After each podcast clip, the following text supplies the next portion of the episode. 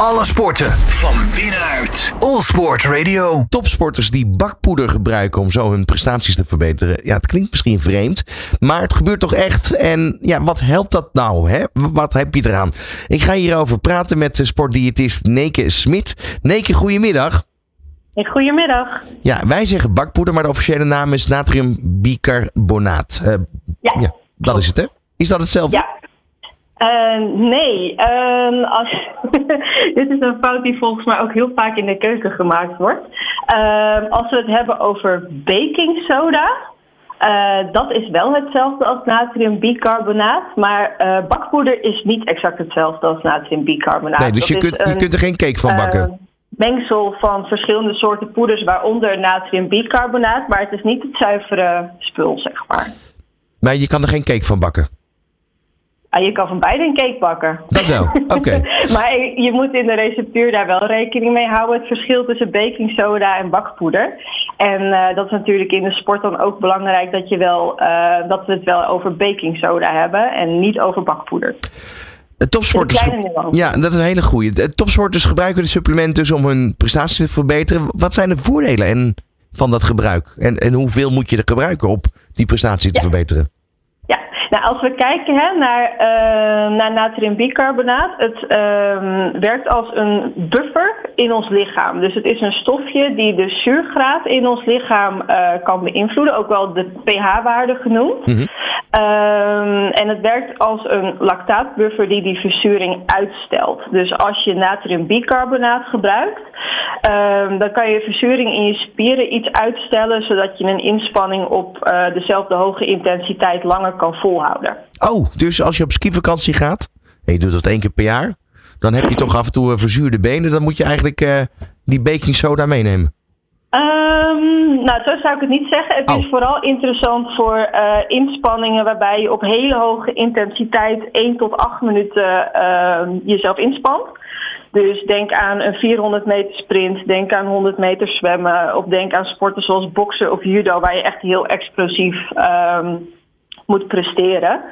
Uh, dus ik zou het sowieso niet uh, meenemen op wintersport. Oké, nou dan uh, is dat fabeltje in ieder geval de wereld uit. Hoeveel moet je nemen om dan hè, in die sporten die je net noemt het verschil te kunnen maken? Ja, nou de ideale dosering daarvoor is 300 milligram per kilogram lichaamsgewicht. Dus stel je voor dat je 60 kilo weegt, dan is dit zo'n 1800 milligram. Dus dat ga je met, met je baksels niet redden. Als je kijkt van je kan het beste gebruik maken van um, natriumbicarbonaat capsules.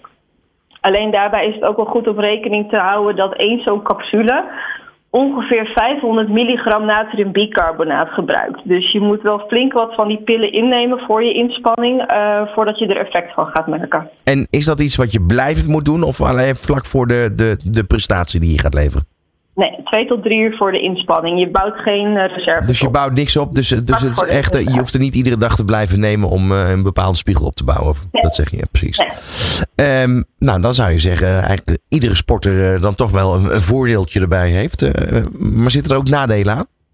Um, nou, ik zou sowieso niet zeggen dat iedere sporter er voordeel aan heeft.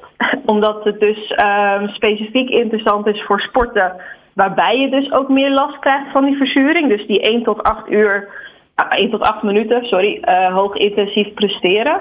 En voordat je supplementen gaat gebruiken, is het natuurlijk altijd goed om eerst naar je basisvoeding te kijken, naar je timing te kijken voordat je supplementen gaat gebruiken.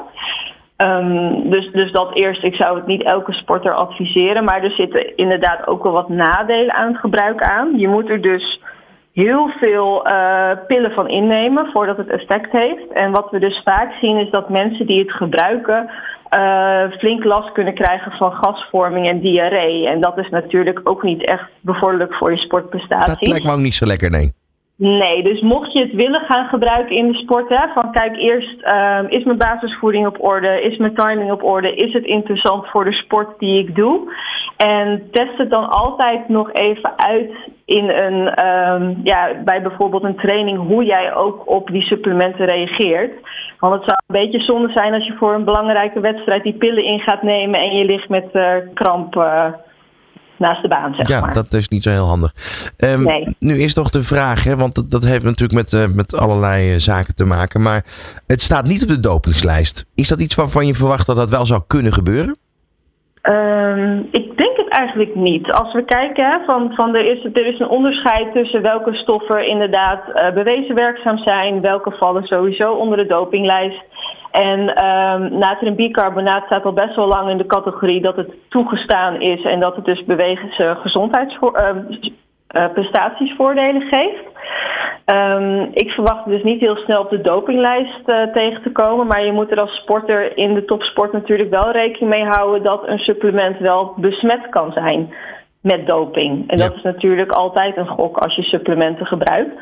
Dus dan wil je altijd controleren of het ook een NZVT-keurmerk heeft. Of het inderdaad um, gecontroleerd is of er geen uh, besmetting van doping in zit. Nee, precies. Nu, nu uh, lees ik ook in een artikel dat uh, Arman uh, Betonville, hij is high performance expert bij Team NL, betrokken dus bij NOC NSF. Heeft ja. eigenlijk een aantal jaren geleden is hij hiermee begonnen met testen. Um, en nadrukkelijk bij de sprinters op de wielenbaan, shorttrack en de atletiek, wat je eigenlijk net al zei. Hè? Um, hm? Ja, hij wil de vertrouwensband dus tussen hem en de uh, niet uh, gelijk schenden.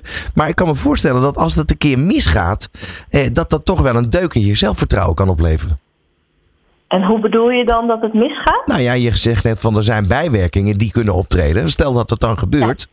Ja. kan me wel voorstellen dat je, dat je daarna ook meteen van genezen bent. Dat je het niet meer wil gebruiken. Precies. Nee, dat kan ik me ook wel voorstellen. Maar daarom is het ook altijd wel belangrijk om het um, in een trainingssituatie uit te testen hoe het werkt. En als je dan ook ervaart van ik reageer hier niet goed op, ja, dan moet je het ook niet in een belangrijke wedstrijd gaan gebruiken. Nee, precies. Nou, nee. uh, in ieder geval een wondermiddeltje. Zijn er nog andere uh, ja, uh, van dit soort middel, middelen die, die een beetje onderbelicht blijven, maar wel degelijk bijleveren aan een, aan een goede sportprestatie?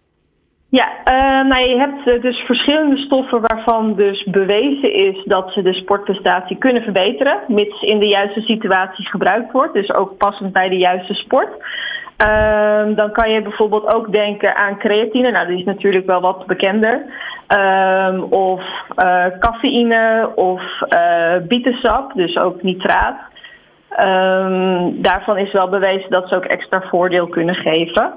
En als er in de basisvoeding tekorten zijn aan bepaalde voedingsstoffen, dan kan het natuurlijk nooit kwaad om dat uh, voldoende aan te vullen. Nee, zo als is het. Zijn. Zo is het. Hey, dankjewel. We hebben wat, uh, wat op kunnen helderen wat dat betreft. Alle sporten van binnenuit. All Sport Radio.